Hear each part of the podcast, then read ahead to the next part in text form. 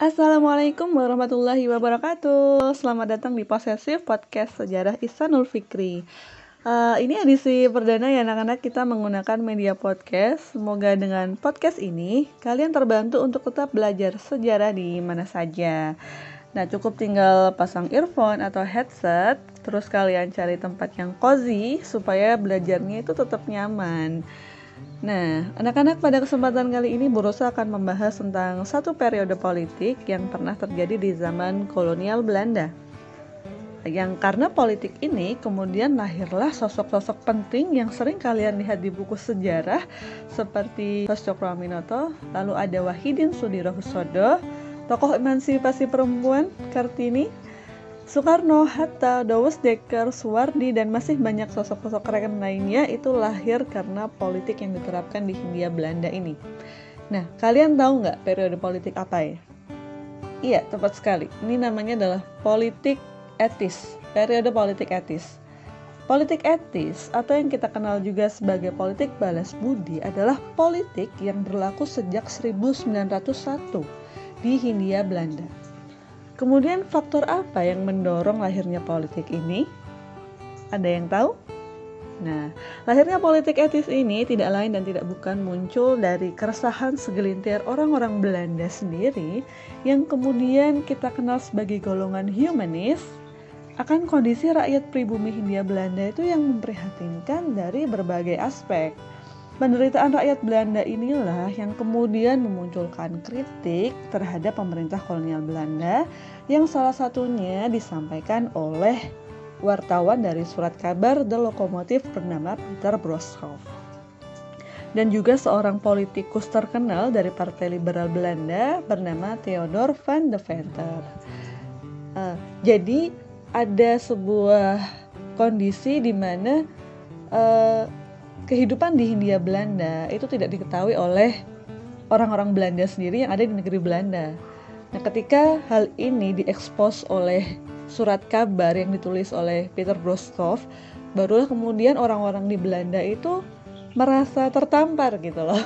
Karena kejayaan yang mereka dapatkan selama ini ternyata adalah sumbangan besar dari masyarakat Hindia Belanda nih teman-teman. Nah, kemudian Inti dari kritik ini itu adalah mendorong atau mendesak kepada pemerintah kolonial untuk memerhatikan nasib kaum pribumi. Kenapa kemudian politik ini disebut sebagai politik balas budi? Ini tidak lepas dari banyaknya jasa yang sudah diberikan oleh Hindia Belanda baik itu berupa sumber daya alam maupun sumber daya manusia yang sudah tereksploitasi selama ratusan tahun untuk kepentingan kolonial Belanda maka sudah selayaknya pemerintah kolonial Belanda itu memiliki tanggung jawab moral untuk mensejahterakan kehidupan rakyat pribumi. Hal inilah yang disampaikan oleh Van de Venter dalam karangannya yang terkenal berjudul In Eres Gold atau artinya hutang budi dalam sebuah majalah bernama majalah The Hits. Nah, kritik Van de Venter ini dan para kaum humanis ini kemudian mempengaruhi Ratu Wilhelmina I, Ratu Belanda, untuk kemudian menuangkan panggilan moral tadi dalam yang kita kenal sebagai Trias van de Venter. Nah, apa saja yang menjadi perwujudan dari ide politik etis ini? Itu ada tiga aspek nih anak-anak. Ada irigasi, di mana fokusnya adalah untuk membangun dan memperbaiki pengairan untuk keperluan pertanian rakyat. Karena selama ini kan pengairan bendungan itu dibuat bukan untuk mengairi pertanian rakyat tapi untuk para pengusaha swasta yang sebelumnya kan uh, merajalela karena politik pintu terbuka. Kemudian ada yang kedua itu dari aspek migrasi. Di mana pemerintah kolonial Belanda itu berusaha untuk mendorong terjadinya perpindahan penduduk yang saat itu di Jawa itu sangat padat ya. Jadi sejarah Jawa padat itu emang sudah berlangsung sejak masa pemerintah kolonial Belanda. Nah, kemudian disebarlah ke berbagai wilayah Hindia Belanda yang lain. Nah, untuk ya itu tadi untuk keseimbangan jumlah penduduk. Kemudian aspek yang sangat penting juga itu adalah edukasi. Di mana pemerintah kolonial Belanda itu berusaha untuk menyelenggarakan pendidikan untuk para pribumi eh, dengan tujuan untuk meningkatkan taraf hidup masyarakat pribumi.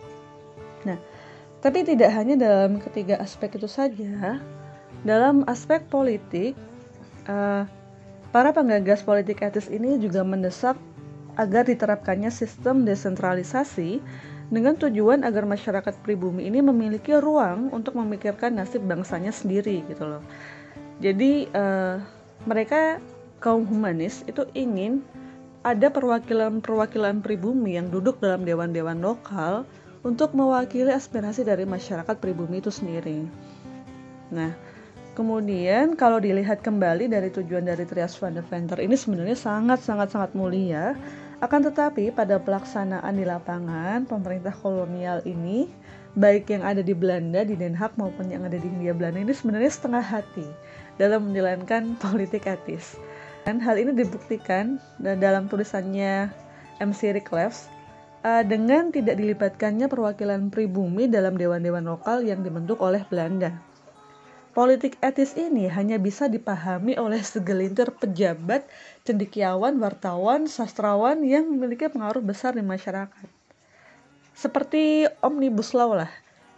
Yang paham tentang Omnibus Law itu kan hanya segelintir orang ya.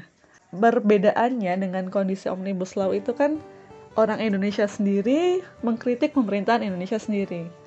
Tapi kalau di masa politik etis, uh, di mana kita segelintir cendikiawan, segelintir wartawan, maupun sastrawan dan lain-lain itu berusaha untuk mengkritik pemerintah kolonial Belanda.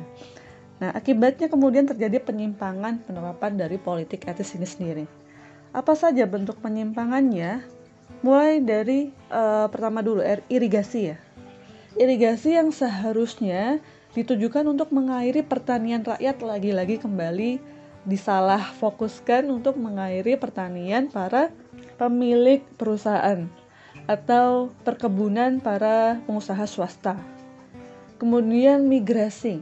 Migrasi ini yang tujuan awalnya adalah untuk menyeimbangkan jumlah penduduk di berbagai wilayah Hindia Belanda Rakyat yang mengikuti program migrasi ini malah dijadikan kuli kontrak seperti yang terjadi di Delhi di Sumatera Utara dan di Lampung. Karena tidak sesuai dengan tujuan awalnya, akhirnya orang-orang yang ikut dalam uh, kebijakan atau kegiatan migrasi ini akhirnya banyak yang kemudian melarikan diri. Kemudian dari edukasi, yang seharusnya menyelenggarakan pendidikan untuk meningkatkan taraf hidup masyarakat pribumi malah digunakan sebagai uh, ajang untuk mendapatkan tenaga kerja yang profesional tapi bisa digaji dengan uh, gaji yang kecil, harga yang murah seperti itu. Nah, itu adalah bentuk-bentuk penyimpangan yang terjadi dari politik etis. Tapi meski banyak terjadi penyimpangan dalam pelaksanaannya, kita tidak bisa memungkiri bahwa politik etis itu sangat berperan dalam mengembangkan serta memperluas pendidikan dan pengajaran di Hindia Belanda. Kemarin kalian sudah belajar tentang dampak penjajahan kolonial Belanda.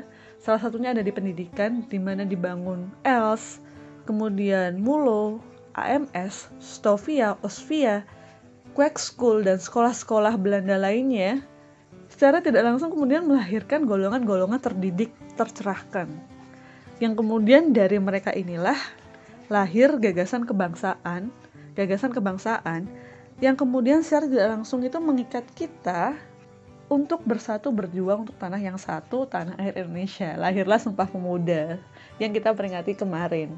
Nah, itu adalah sekilas yang bisa berusaha sampaikan tentang politik etis. Kemudian yang menjadi tugas kalian adalah apa hikmah yang bisa kita ambil dari pembelajaran kali ini? Kalian bisa tuliskan di forum diskusi dan ini akan dinilai. Nah, jadi jangan sampai tidak mendengarkan materi yang ada di podcast ini ya. Saya akhiri dulu. Assalamualaikum warahmatullahi wabarakatuh. Tetap semangat belajar sejarah karena dari cerita-cerita di masa lalu kita mendapatkan hikmah untuk memetakan masa depan kita. Salam sejarah.